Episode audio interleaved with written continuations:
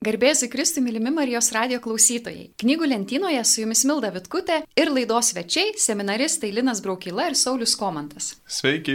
Sveiki. Šiandien kalbamės apie ypatingą knygą - Antonijaus Rožiečio maldos mokykla. Kodėl ši knyga ypatinga? Ši knyga buvo sovietinė religinė kontrabanda. Niekas nežino, kas yra šios knygos vertėjas. Pogrindyje Ši knyga buvo spausdinama ant mums pažįstamo sviesinio popieriaus, neriškiamis spausdinimo mašinėlėmis, perspausdinama ir dalyjama iš rankų į rankas.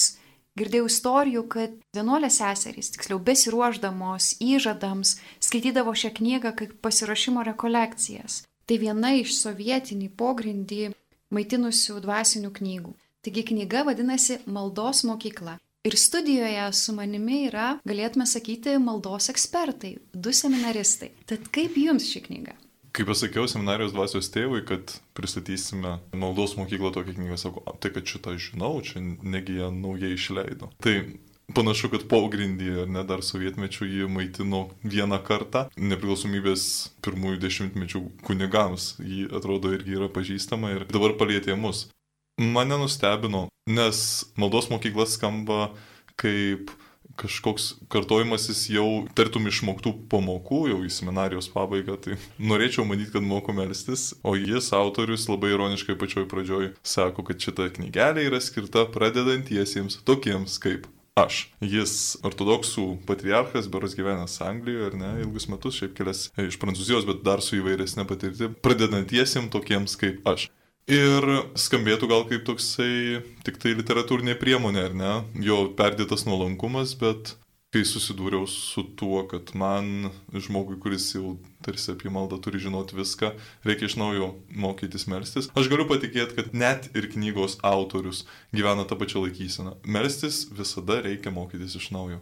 Na, man irgi įspūdį pirmiausia paliko pavadinimas, nes kaip ir įprasto tipo mokyklose, pirmiausia reikia išmokti mokytis, Lygiai taip pat ir su malda. Atrodo, kad čia gali būti tik taisyklių rinkinys, bet labai įspūdinga, kad nepaprasti dalykai yra perteikiami labai paprastai ir labai suprantamai. Kaip jau Linas minėjo, puikiai suprantama pradedantiesiems.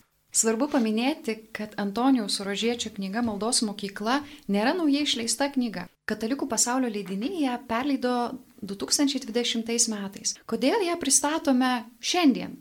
Todėl, kad man ji labai patinka. Ir kai šiais metais man ją parekomendavo viena iš katalikų pasaulio leidinių knygyno darbuotojų, Vida, mano mylima, turbūt mano mylimiausia knygyno darbuotoja Vida, aš susižavėjau šią knygą ir išdovanojau ją visiems savo draugam. Taip pat skelbiau praeiviams gatvėje. Teko ir man, turbūt. Taip, teko ir tau gauti iš mane šią knygą. Ir man atrodo, kad ši knyga teikia daugiau gyvenimo. Man atrodo, kad kiekvienam krikščioniui, tiek pradedančiam, tiek kažkur strigusiam, tiek vis bandančiam ir niekur nenueinančiam, tai yra būtina knyga. Ir kuo svarbus tas pavadinimas, kaip paminėjai Sauliau, maldos mokykla. Turbūt svarbu suprasti, kad knygos apie meldą tai nėra knygos apie kažkokius veiksmus, ką aš turiu daryti. Žinoma, Lina sakė, pasiruošė santrauką iš šios knygos, dešimt žingsnių programą, dešimt žingsnių maldos. Dešimt minčių, kurios tiesiog revoliucins jūsų maldos praktiką.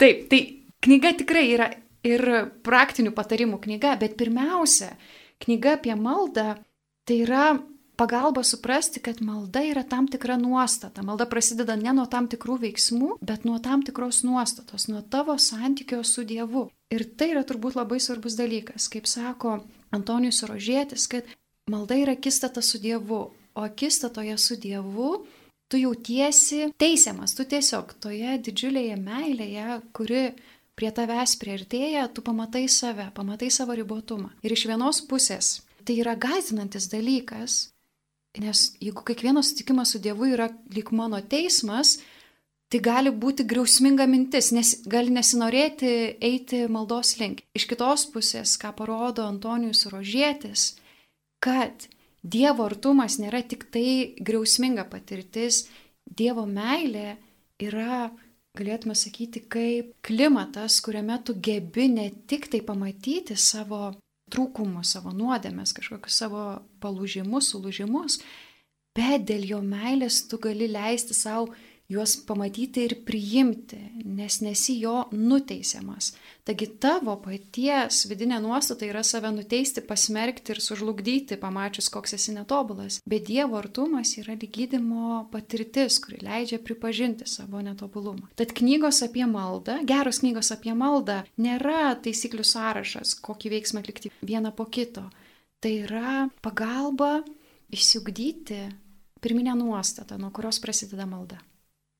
Ir man atrodo visai didelis lobis, kad tą nuostatos keitimą, ar ne, arba tą kažkokį vidinį pokytį, kurį reikia pasiekti maldos mokykloje, jis parodo kelią į tą pokytį. Nes sako, kad maldos mokykla, malda niekada negali būti technikos dalykas, vadinasi, maldos mokykla negali būti treniruočių klausimas. Kaip sako autorius, klausimas arba tema maldos mokykla nėra spekuliatyvus. Tai reiškia, vis tik tai turi pasikeisti mūsų laikysena, malda turi kažkaip naujai gimti, bet ji yra sprendžiama gyvenimu. Aš galvoju, kad tai jis nori pasakyti, ar ne? Maldos klausimas, maldos mokymasis vyksta savo gyvenimu. Ne gilesnių apmąstymų, kas yra malda, bet gyvenimiškais žingsniais tos maldos link. Bandau išreikšti tą įtampą, ar ne, kad viena vertus jis sako, kad tai nėra praktika, tai nėra pratybos. Ir malda niekada nebus pratybos. Kai vienas mums turbūt visiems žinomas Petras Plumpa, toks vyresnis žmogus, kuris šiais metais dar ir Lietuvos herojus, bet man jis tiesiog atrodo pirmiausia yra labai šaunus kataliko pavyzdys. Tai kaip ir jis sakė, malda yra asmeninis bendravimas su Dievu ten, kur kalbam tik tai apie pareigos atlikimą arba žodžio atkalbėjimą, kalbam apie kažkokį visai keistą net pažįstamą dalyką. Ir kita vertus, kaip ieškot, kur ieškot to gyvo santykių, to kažko, kas nėra technika. Čia ši knyga duoda tuos dešimt žingsnių, kuriuos aš radau, gal jūs, jis visai neskaičiavo dešimt, bet man atrodo, kad tas sąrašas toks visai gausus ir visai išbaigtas yra. Tad gal pereikim prie tų dešimt žingsnių. Linai, leisime tau juos pristatyti, o mes su Saulim, kai norėsime, įsiterpsime. Tas skamba tai tiesiog kaip reklama, kuri gal pakabins ties penktų kokio nors žingsnių, bet tikrai taip ir norėčiau, ar ne, kad mes jau ragautumėm šitą knygą. Tie patarimai yra galingi. Pritariu Linui, norisi šią knygą ragauti. Tai yra knyga, apie kurią aš nenoriu kalbėti. Jeigu galėčiau, tiesiog ją skaityčiau šitos laidos metu. Visą laidos laiką kiekvienas galėtume skaityti po savo mėgstamiausią skyrių. Bet ne tas formatas, tad pradedam. Numeris pirmas. Pirma. Maldai reikia įsitikinimo, jog esame išganimo reikalingi nusidėliai, atskirti nuo Dievo, negali be jo gyventi. Ir kad viskas, ką galime paukoti Dievui, tai desperatiškas ilgesys tapti tokiems, kad mus atgailaujančius Dievas priimtų su gailestingumu ir meilę. Deja, tai buvo citata. Aš, pirmas punktas jau yra citata. Bet viena ilga mintis, kurios esmė gal, jeigu galima sutrumpinti, ar ne. Maldai reikia įsitikinimo, kad ieškau tavęs Dieve. Tikrai tavęs ieškau. Iš įsitikinimo, kad aš nesu rojuje arba nesu šventyklos viduje. Turi pajus, kad labiau trūksta nei turi. Turiu labai daug, bet dar daugiau man trūksta. Esu rūmų išoriai ir turiu belstis. Tai yra tas pats pirminis nusiteikimas arba pats pirminis įstikinimas. Taigi maldai reikia įstikinimo, jog esame išganimo reikalingi. Norėčiau pridėti apie vidinį nusiteikimą, galbūt labiau tai paversdamas pasirinkimu, kylančiu iš noro bendrauti, kadangi jau kaip minėjai, malda yra bendrystė, tai yra abipusis bendravimas. Ir tai mano mintį veda į maldos pobūdį galbūt, į maldos viešumą netgi, kadangi dažnas atvejis yra, kai maldos yra gėdėjimasi, nors yra praktikuojama asmeniškai. Tad kaip gali malda tikti Dievui, jeigu ji netinka man? Aš irgi, kaip ir Linas, neapsėjau be citatos iš knygos. Nebėgime į priekį, nes čia bus kažkuris kitas punktas. Tai labai labai susiję iš tikrųjų. Antra. Pajusk, kad nebeturi jėgų prie jo prisartinti. Pajaus, kad esi anapus. Supratimas, kad tau reikia Dievo, turi būti giliai suprastas. Aš esu kitoj pusėje, kitoj durų pusėje. Trečia, kreipkis ne į išorę, bet į vidų. Ir autorius kitai iliustruotų pasakoja, kad kai Gagarinas skrido į kosmosą, grįžo iš tenai ir tada pareiškė, kad buvau dangui, ten Dievo nemačiau. Kažkoks protingas žmogus pasakė, jeigu Dievo nesugebi surasti Žemėje, nerasi jo ir kosmose. Tai ieškok Dievo labiausiai, labiausiai savo vidui kaip savo geriausio pagrindo, ar ne? Ne išorės daiktuose. Bet jeigu reikia kažkur save nukreipti, kreipk save vidun. Tai čia buvo trečioji taisyklė. Trečioji mintis. Nežinau, kaip tai pavadinti. Ketvirta. Rask maldo žodžius, kurie būtų verti sakyti tiesiai besikalbant. su asmeniu arba su Dievu. Įsivaizduokim kokią nors prašytą kalbą, kurią rašyt kokiam nors šimtui žmonių, bet tada suprantat, kad dalyvauja tik tai vienas. Ir tada ar tą visą kalbą skaitytumėt tiesiog sėdėdamis vienas prieš vieną? Dažnu atveju ne, nes tada jau ta pompasika neturi jokios prasmės. Tai maldo žodžiai, pasak autoriaus, ką jau Sauliau ir minėjai. Jie turi būti verti, bet jie turi būti ta prasme, kad atsistojęs visiškai, visiškai priešais. Ar aš tą sakyčiau? Ar verčiau kalbėčiau tada jau realiai, kalbėčiau kaip su asmeniu akis į akį. Tai malda turi būti panašiai tą kalbėjimą akis į akį. Penkta. Naudok spontaninę maldą. Vietose, kuriuose labai gerai pajunti tą savo poreikį, pajunti, kad man reikia išganimo ir kai pajunti, kad esi anapus kažkokio tai, sakytumėm, šventovės ar ne, anapus rojaus, anapus Dievo artumo, spontaniškai kyla žodžiai, kyla jausmas, kyla malda. Ir tai naudok. Tai yra maldos nežinau, kuras gal, gal taip. Kalbant apie spontaninę maldą ir jos aktualumą, tai irgi remiantis autorių žodžiais buvo paminėta, kad malda yra kaip strėlė, tačiau ją reikia taisyklingai nutaikyti, kad ji būtų tinkama būtent toms aplinkybėms ir atlieptų į dabarties poreikius. Tad spontaninė malda, jeigu teisingai suprantu, Sauliau, yra kaip tik dabarties poreikius atliepianti malda. Tu meldiesi konkrečioje situacijoje išprovokuotas, paskatintas, kažkokio konkretaus nutikimo, to, kas vyksta su tavimi dabar. Ir tai labai susišaukia su, kaip numerio tvarka, ne iš karto putojančia taisyklė, bet kita, kurią įsivardina, regėk visą gyvenimą kaip progą maldai ir kaip maldos priežastį. Autorius pasakojo apie vieną vienuolį, turbūt Maksimą, iš kokio nors, nežinau, šešto amžiaus turbūt, kuris į gilų maldos gyvenimą įėjo, bandydamas gyventi atskirėlių gyvenimą, tada patirdamas baimę dėl triukšmo ir tada kraštai prašydamas Dievą, kad jį apsaugotų, tada patirdamas alkį ir kraštai prašydamas Dievą, kad jam duotų ką nors maitintis, tada patirdamas šaltį ir kraštai prašydamas Dievą, kad jam duotų kokią nors pastogę ir taip toliau, ir taip toliau, ir taip toliau, kol galiausiai suprato, kad dingus visoms toms baimėms arba pasiekus tam tikrą ramybę, nuolatinės maldos vis tiek reikia, nes jis žino, kaip trapu yra ta, nežinau, ramybė pilnatvė kažkoks netrukdomas buvimas. Bet iš viso to pamoka, kurią autorius ištraukė, yra ta, kad mes turim matyti pasaulio situacijas, kasdienius rūpeščius, nežinau, kokį nors tai vargą, įstrigimą kamštyje, konfliktą su žmogumi, įsisamoninimą, kad kažko nepajėgiu ar kažką, kad tai yra nekliūtis maldai, kad tai yra proga maldai. Dar viena proga pajausti, kad man reikia Dievo buvimo čia. Reikia tai kaip proga. Prisimenu, kaip mane mokė mano dvasios tėvas. Jis sakė, kad labai svarbu melsti dalykų, kurių tu iš tikrųjų trokšti. Kad labai svarbu įsivardinti, ko tu trokšti. Nepradėti melstis nuo to, ko tu turėtum trokšti, bet suvokti, ko tu iš tikrųjų trokšti. Nes galiausiai kažkokiu būdu mes turim prieiti prie suvokimo, kad mes trokštame Dievo. Bet jeigu nesame sažiningi su savimi, jeigu nepripažįstame, kokie yra dabartiniai mūsų troškimai, kai jau galiausiai būtų lik ir įmanoma apčiuopti, kad Dievas yra tas visą išpildantis troškimas, jeigu mes nebūsime atviri su savimi, mes to nepastebėsime. Dėl to turbūt ir Antonijus Suražėtė sako, melskitės konkrečiose situacijose, tada, kai jūs užklumpa sunkumai ir jums reikia Dievo, kad padėtų juose išbūti. Tai ne visai yra knygos medžiaga, bet man šita mintis apie maldą labai labai brangi tikrai, tikrai prašyti to, kas skauda labiausiai arba ko reikia labiausiai. Pirmiausiai, kažkaip, man atrodo, tai labai svarbu, nes, nežinau, yra tokių santykių, ar ne, į kuriuos mes specialiai nenešam nieko tikro, kad jie netaptų per daug rimti.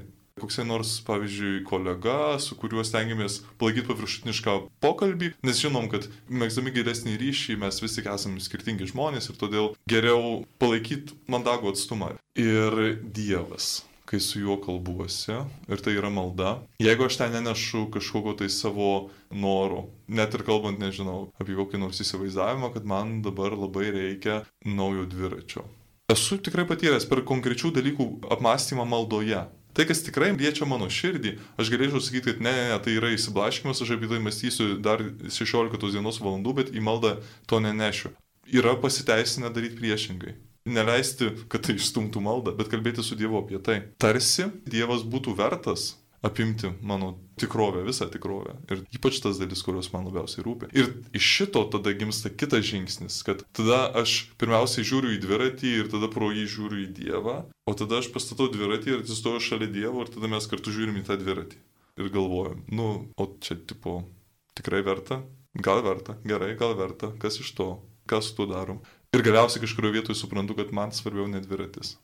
Man svarbiau, kad aš stoviu šalia Dievo. Ir kad su juo kažkaip tai mes kartu žiūrim į tos dalykus. Tai iki tokių gražių dalykų arba iki tokio tikrumo priveda drąsa man tikrai rūpinčius dalykus kelti maldoj.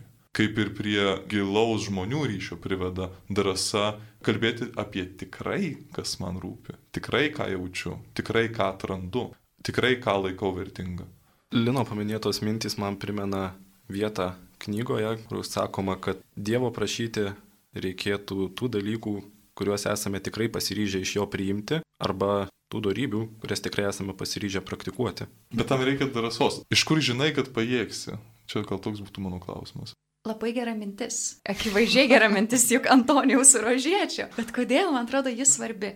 Prašyk dalykų, kuriuos esi pasiryžęs priimti tai suvedu su savo dvasios tėvo mintimi apie maldą, apie prašančią maldą. Šiuo metu aš galiu priimti savo kasdienybės rūpeščius ir dėl to aš melžiuosi su jais. Aš einu prie Dievo su jais. Man dabar labai svarbu gebėti priimti šitą situaciją, kurioje aš esu. Tad man nereikia savo maldoje kažkaip turėti viziją tobulo savęs, kuris turėtų prašyti tobulų dalykų. Man atrodo, kad Antonijus Rožėtis čia bando pasakyti tą patį dalyką, kurį mes su Linu bandom išstenėti, ne visų ėjimų ratais, kad man tikrai labai svarbu melstis tokiame lygmenyje, kuriame aš esu, pripažinti savo, kur aš dabar esu ir šitoje situacijoje melstis, nes tai aš galiu priimti. Gal yra labai labai mano gražus įsivaizdavimas, koks aš turėčiau būti, bet man reikia priimti dabar save, koks aš esu dabar. Tai nieko kilnaus yra su Dievu kalbėti apie pačius kilniausius dalykus, kurie man yra tik paveikslėlis, tik tai kažkas svetimo. Taip, čia mano fantazija. O aš noriu, noriu gebėti būti savimi ir kažkokiu būdu priimti, kad aš negaliu pradėti savo maldos kelionės, apskritai tikėjimo kelionės nuo kažkokio kito žmogaus taško nuo kažkokio kito žmogaus pasiekto taško, jinai prasideda nuo manęs ten, kur aš esu. Kad ir kaip banaliai skambėtų, bet taip yra. Gal perinam prie kito punkto? Žinoma, eime toliau. Taigi, kalbėjom apie spontaninę maldą ir autorius prideda, kad spontaninės maldos neužtenka. Vyras, kuris eilinės darbo dienos rytą skuba paruošti kažką, namuose, veža kokį nors vaiką į mokyklą, skuba, skuba, skuba, skuba ir staiga jį ištinka koks nors žmonos klausimas. Bet ar tu mane myli? Jis atsako, taip žinoma. ir ne tik tai tam, kad apsigintų. Ir jeigu žmona prispirtų jį ir sakytų, pala, pala, pala, tu atrodai dabar sunerimęs, galbūt tu esi kažko nepatenkintas, gal tu nepatenkintas manimi, ar mane myli?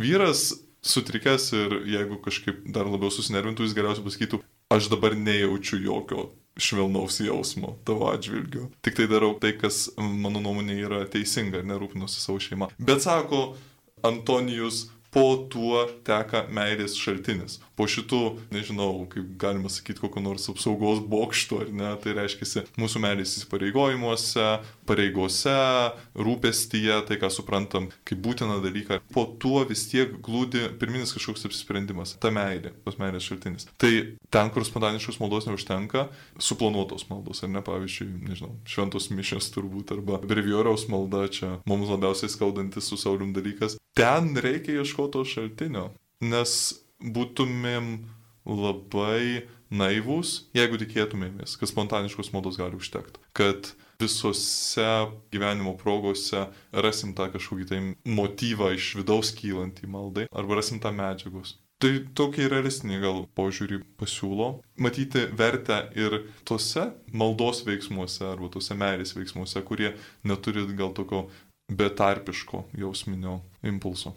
Tau kalbant apie tai, prisiminiau vieną vietą iš Antonijaus Suradžiečio knygos. Viena iš priežasčių, kodėl man labai patinka ši knyga, dėl to, kad ji man padeda priartinti Evangelijas. Tai yra nuostabiausias švento rašto komentaras, nuostabiausias Evangelijų komentaras. Gerai, aš čia kalbu superlatyvais, bet iš tikrųjų esu sužavėta šią knygą, mane jinai maitino. Ir aš suprantu mūsų norą išstudijuoti šventąjį raštą. Aš ir pati labai noriu kažkaip suprasti, kokia čia bendra struktūra, kaip čia funkcionuoja išganimo istorija, kaip Jėzus yra išpranašavimas Sename testamente, kaip tas pranašystės išsipildo naujajame ir tai labai gerai. Ir tokiu atveju skaityti šventąjį raštą reikalinga pagalba ir pavyzdžiui yra kita katalikų pasaulio leidinių knyga neseniai išleista Peterio Kryfto apie Bibliją, kur konkrečiai kalbame apie skirtingas švento rašto knygas. Puikiai knyga. Trumpai, tiesiai taikiniai. Kuo visgi man labai reikalinga Antonijaus Rožiečio knyga ir tokio pobūdžio knygos, jos parodo, kokiu būdu buvo parašytas šventas raštas. Arba tiksliau, ši knyga man parodė, kad Biblija buvo parašyta kitokiam skaitimui, kaip ją skaito Antonijus Rožietis, kad skaitant Evangelijos jos persmelkė mano gyvenimą, nes Dievas man labai konkrečiai prakalba per vieną ar kitą švento rašto ištrauką ir mane labai palėtė Evangelijos interpretacija, kuri yra pačios knygos pradžioje, kurioje yra interviu su Antonijum Surožiečiu. Ir jisai pasakė apie moterį, kai Rusija pilietinės revoliucijos laikais Viena moteris su vaikais buvo perspėta kaiminės, kad ji rašyta į sąrašą ir jos laukia mirtis, kad ji tuoj bus susemta. Tos kaiminės vardas yra Natalija. Ir Natalija perspėja moterį su vaikais ir sako, bėg. O ta moteris klausia Natalijos, kaip man bėgti, juk manęs ieškos, mane persekios. Ir Natalija sako, aš pasiliksiu namuose ir atsiliepsiu tavo vardu. Ir kaimynė Natalijos klausia, tiksliau sako, juk tu numirsi, o Natalija sako, taip, mano gyvybė bus atimta, bet aš neturiu vaikų. Ir tada Antonijus Suražėtis sako, kad greičiausiai, kai Natalija laukia tame tamsiame name, ji išgyveno tai, ką išgyveno Kristus Getsemanėje. Sako, jis yra pleistas, vienišas, jo mokiniai miega. Jis atėjo melistis, paprašė jų bent valandėlę pabūti su juo, o jie užmigo. Ir sako, greičiausiai ji tą akimirką išgyveno tai, ką išgyvena Kristus. Jis prašo Dievę, atitrauk nuo mane šią taurę. Bet jeigu ką, tai aš pasiruošusi viską priimti. Galbūt jis svarstė, gal man išeiti iš šitų namų, gal man neatsiliepti šiuo vardu. Tai yra atitrauk nuo mane šią taurę. Gal aš pats gal, kažkaip galiu atitraukti, bet galiausiai Natalija nusprendžia pasilikti. Tai man labai svarbi ši knyga, nes ji man rodo, kam yra parašytos Evangelijos, kam parašytas šventasis raštas, jis parašytas, kad perkeistų gyvenimą. Tad Linai kalbėjo apie taisyklę, jog neužtenka spontaniškos maldos, labai svarbu semtis iš švento rašto. Jūs seminaristai gėdate psalmes, tiesiog gėdate šventąjį raštą valandų liturgijoje. Tai man ši knyga yra priminimas, kad aš turiu maitintis Evangelijomis. Labai sudėtingoje situacijoje man gali pritrūkti tieso žodžių, man gali pritrūkti perspektyvos. Ir šventasis raštas yra šaltinis, prie kurio aš galėsiu sugrįžti, jeigu jis tekės manyje. Taigi, Linai, kaip tu minėjai, spontaniška malda yra be galo svarbi, nes mūsų kasdienybėje yra labai daug aspektų, kur kiekvienam iš mūsų reikia pagalbos, reikia tos rankos, į kurią tu galėtum įsitverti, atsiremti. Bet dar svarbiau yra sąmoningai rasti paskirti laiką maldai susitikimui su Dievu, tam pokalbiui, nustumint į šoną kartais ir labai svarbius dalykus, galbūt labai svarbų susitikimą su kažkuo arba šiek tiek savo polsio laiką apribojant, nes šiomis dienomis šiais laikais yra pernelik didelis skubėjimas visame kame ir dažnai užmirštam pokalbį su Dievu ir kartais net sakom, kaip autorius Antonijus Rožėtis minėjo, kad skundžiamės, netgi ne tik sakome, kad Dievas mums neatsiliepia, bet mes per savo tą bėgimą, per laiko Dievui nepaskyrimą ir jo neklausimą patys neišgirstame, kai Dievas šaukia mus. Tad nelabai yra teisinga, neskiriant pačiam laiko Dievui, jam tarsi priekaištauti, kad tu man neatsakai tada, kai man to reikia. Pacituokim Antonijus Ražėti. Taigi tokioje situacijoje neturime teisės skūstis Dievo nebuvimu, nes mūsų pačių daug dažniau nebūna, nei kada galėtume jam dėl to papriekaištauti. Netėjau į susitikimą Linas kažkuria tai dieną. Ir kai kalba apie valandų liturgiją, rytinę ir vakarinę maldą, jis taip sako, nes ortodoksų maldos panašios, bet truputį skiriasi nuo katalikų. Jis siūlo rasti kokią nors vietą, eilutę, mintį, kuri maitintų ir kurią būtų galima naudoti, pagal kurią gyventi trumpą distanciją toje dienoje, iki tam tikros valandos, kažkiek ras tą, ką pritaikyti, ne? Tai ta pastovi malda, ji yra būtinai, yra sąlyga ir iš jos vis tik tai rask tai, kas maitintų, rask tai, kas kažkaip aidėtų, ar ne? Kaip tu milda ir sakei, bandyk įsimint, bandyk pritaikyti, kad laiko atėjus nepritrūktų tų tiesos žodžių. Ir tas pritaikymas nėra pritempinėjimas, kažkaip atsiverti švento rašto vietą ir ieškai, ką čia gali pritaikyti. Ne. Tiesiog reikia atsiversti šventą raštą, paskirti laiko lietai įskaityti, leisti jam tau kalbėti. Ir kartais kai kurie žmonės skaito dienos skaitinius. Man nelabai tinka šis variantas. Aš mieliau pasiemu Evangeliją, ją skaitau kitos vietos, kuri mane užkabina ir man prakalba. Ir tuomet su šitą eilutę ir su šitą pastraipą arba visų kontekstu, kuris nuvedė iki konkrečios eilutės, pabūnu ir pažiūriu, kodėl jį mane sustabdė. Ir dažniausiai, dažniausiai, kaip sakė Antonijus Rožėtis, Dievo akivaizdoje jautiesi teisiamas. Ir dažniausiai jį man užstringa dėl to, kad aš pati kažką netaip darau. Bet kadangi esu Dievo artumoje, leidžiu savo priimti, kad taip, iš tikrųjų netaip darau, bet Dieve, dėl to, kad tu esi šalia manęs, aš galiu savo tai pripažinti, aš galiu išbūti. Man pačiai per sunku tą matyti, bet tavo akise galiu sauliaisti tai pamatyti. Šį sustojimą galėčiau, remdamasis autorių žodžiais, įvardinti tarsi mano paties dovana viešpačiui. Tarsi išlipimą iš tos labai greitos modernaus pasaulio gyvenimo tiekmės sustojimą ir pasakymą tarsi savo, kad atiduodu šį laiką Dievui, sustoju, galbūt skaitau arba kalbu lėčiau negu įprastai, bet negalvoju apie tai, ką galbūt praleidžiu arba paukoju dėliai šio susitikimo su viešpačiu, taip paversdamas tą laiką dovaną, todėl kad dabartinėme skubėjime laikas yra svarbiausias dalykas visiškai, visiškai prie to ir norėjau vesti, pristatydamas dar vieną taisyklę arba dar vieną mintį iš šios knygos santraukos. Įvertink dabarties akimirką ir tokiu būdu valdyk laiką. Iš tikrųjų, autorius skiria kažkiek puslapių, kad atlieptų į tą bendrą mūsų visų patirtį. Niekaip nespėjom su laiku, dažniausiai gyvenam įsivaizdavime to, ką pramatom greitai būsant, bet maldos mokyklai reikia truputį kitokio santykio su tuo laiku. Paukoti, sulėtinti, įvertinti. Tai jis ir sako, valdyk laiką, sustabdyk laiką. Dar viena taisyklė, kurią jisai sako, išmok būti savimi, čia būtų labai labai sunkiai suprantama, išmok gyventi ne tik valdomas išorinių postumių, Atsisėsk, pabandyk pabūti su savim penkias minutės, po trijų tau pasidarys nuobodu. Bet jeigu taip, jeigu tau jau nuobodu, tai kaip nuobodu turėtų būti su tavim kitiems žmonėms? Ir tikrai, esame įpratę, kad mus kas nors judintų, į ką mes reaguotumėm ir taip stumtumėm laiką, kai Antonijus sako, vis tik tai ne, turim išmokti ieškoti tokių impulsų, motyvų, mus judinančių akstinų viduj. Tarsi ištraukti save iš tos tokios grandinės įvykių, kurioje esam kaip kažkokia, nežinau, rutuliukas stumdomas kitų rutuliukų. Žvelgti į savo vidų. Man labai svarbi ši mintis. Pirmą kartą ją išgirdau knygoje Dykumo širdyje, kurioje pristatomi dykumos tėvų posakiai. Ir knygos autorius sako, ką mes galime išsinešti iš dykumos tėvų buvimo su savimi, buvimo vienumoje.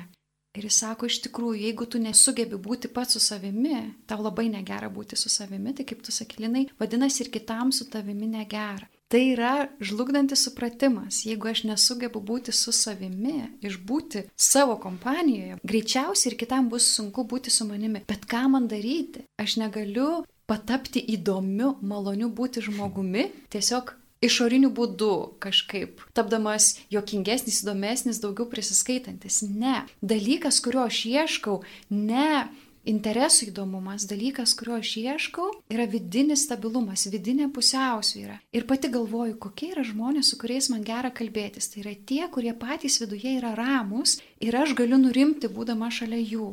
Ir galvoju, kad tai yra, ko mes siekiame, mes norime būti viduje ramus. Ir tai neša vidinis gyvenimas, kad santykis su Dievu yra vidinis gyvenimas ir tada, kad ir kas vyktų, aš esu nepaliečiamas kaip vanduo nuo žasies nueina. Ir dabar pristatysiu paskutinėje, kuri tikrai man gal ir yra tokia labiausiai stabdanti, trikdanti, tikrai kažkaip nušviečianti, paliečianti. Taigi dėmesio, dėmesio, dėmesio. Rask Dievo vardą, kuris tau reikštų tą asmenį. Į pabaigą viso šito dėstymo, kuris tikrai, nu, nenublanksta prieš šitą taisyklę, bet vis tiek, kuris tarsi po viso to dėstymo šitą išgirdus aš buvau vis tiek nustebintas. Rask Dievo vardą, kuris tau reikštų tą asmenį. Tai panašu, ar ne, į tą, kad kalbėk tik tuos žodžius, kuriuos sakytum gyvai sutikęs, sakytum į akivaizdoje. Ir rask žodį, kuris tau reikštų ne daiktą, ne kryptį, bet tau reikštų asmenį. Rask žodį, kuris tave kabintų, kuris kaip vardas iššauktų tau tarsi betarpišką to asmens artumą. Dieviško asmens artumą. Taip. Ir paradoksas, paradoksas. O gal joks čia ne paradoksas, tiesiog taip veikia pasaulis. Antonijus Ražėtis parodo, kaip veikia pasaulis. Mes labai norime gebėti kurti ryšį su žmogumi, kažkaip būti tikrais, neapsimetusiais, būti savimi, nusimti visas kaukės. Bet problema ta, kad kai nusiemi kaukę, gali nutikti taip, kad ten nieko nėra. Ir ką tada daryti? Iš tikrųjų, nes yra, nu gerai, negali būti, kad nieko nėra, yra baimių daugybė, kažkokių sužeistumų, ar ne? Yra didelis bagažas, bet tai nėra tikrasis aš ta prasme, kad viskas, tik tai tiek aš ir galiu būti tiesiog lūženų krūva. Bet kartais tenka pripažinti, kad šiuo metu taip yra. Ir aš negaliu kurti santykių su kitu, nes kurdama santykių su kita iš savo didelio poreikio, nes aš taip stokoju, bandysiu kitą tiesiog išgręžti ir naudoti savęs užpildymui. Ir kad galėčiau iš tikrųjų kurti santykių su kitu, o ne kitų žmogumi naudotis, man pirmiausia reikia išmokti kurti santykių su Dievu, pirmiausia leistis, kad Jis mane išmylėtų, Jis mane išgydytų, Jis mane atkurtų sukurtų ar atkurtų, abu žodžiai turbūt yra svarbus. Ir tada, kai aš esu savo pakankamas, kuria prasme savo pakankamas, nebe Dievo, bet aš jau esu kažkas, tada, kai aš sutinku kitą žmogišką asmenį, man nebereikia jo buvimo šalia, kad palaikytų mano buvimą, nes man jie nieko nėra ir tik tai jo buvimas šalia suteikia man kažką. Tada aš jau esu kažkas ir galiu kurti santykių su juo, nesinaudodamas kitų žmogumi, nesisavindamas, kaip sako Antonijus Surožėtis, bet tiesiog būdamas kartu. Nes kaip jis sako, mes pamatom labai gražią gėlę, bet jeigu mes nuskiname ją, ją turime, bet ji taip pat ir nuvysta. Ir santykiuose mes negalime nuskinti žmonių. Bet jeigu mes patys labai stokojame, nu nieko kito mes negalime daryti, mes tiesiog skiname juos, kad užplitume save. Tad čia yra tas gražumas mūsų tikrovės, kuri turi daug dimensijų, kaip sako autorius, kad visa tai, kas labai žmogiška, mums įsiskleidžia ir tampa priimtina, mes gebame gyventi šitame dviejų dimensijų pasaulyje tik tada, kai trečioji dimensija, dieviškoji dimensija persmelkia mus. Ir tada viskas, kas žmogiška, iš tikrųjų sušviečia visų savo grožiu, malonė šviesoje. Atliepiant į Lino pasakytą mintį iš knygos apie tai, jog reikėtų rasti Dievui tinkamą vardą, mastau apie tai, kad dažnai Dievas kitiems, įskaitant ir mane, gali būti anonimas, apie kurį mes kalbame iš tolo tarsi, kaip autorius įvardina asmenių jis. Bet tas santykis, ta bendrystė, jinai veda į viešpaties pažinimą, kuris kyla arba bent jau turėtų kilti iš mano paties noro natūralaus postumio jį pažinti, nes maldo žodžių kartojimas tai nėra pats santykis, tai yra tiesiog robotiškas veiksmas, kuris neveda į pažinimą. Bet kai maldo žodžiai kyla iš mano paties širdies, kai jie yra tie žodžiai, kuriuos aš jaučiu, kad aš noriu ir turiu jam pasakyti, tai jau veda į asmeniškesnį santykį, kuris nebėra toks formalus ir tada Dievas tampa tas, į kurį aš galiu kreiptis tu, draugiškai, ne jūs, ne jis, bet tu, pabrėždamas tai, jog jis yra man artimas. Kadangi laida eina į pabaigą, nėra ką daryti, reikia pabaigti, o taip nesinori. Tai norim nuraminti jūs, mylimi Marijos radio klausytojai. Antonijaus Rožiečio knyga Maldos mokykla yra daug daugiau, yra apie daug ką daugiau, negu mes čia apkalbėjome. Mes nepabijojom, kaip sakė Linas prieš laidą, paspoilinti, koks čia lietuviškas žodis būtų. Matyt, atskleisti iš anksto. Atskleisti iš anksto, apie ką ši knyga, jos turinį.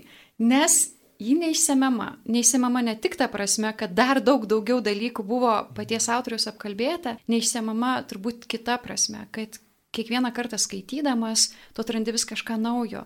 Tai nėra vienkartinio naudojimo knyga, tai yra tikrai daugkartinė knyga, maldos palidovas. Jeigu jūs negalite pradėti melstį skaitydami šventą įraštą, nes jis atrodo per tolimas, galite skaityti Antonijų suražėti po vieną skyrių. Ir ji tikrai telpa į kišenę ir raidės visai didelės. Pritaikyta kasdieniam naudojimui. Tikrai, tikrai. Tad su dideliu skausmu laidą baigiame, nes mums taip gera čia kalbėtis, bet ką padarysi, laidą baigiame. Ir linkime jums, Milmi Marijos radio klausytojai, išdrysti, išbandyti šią knygą. Sudė. Sudė. Sudė.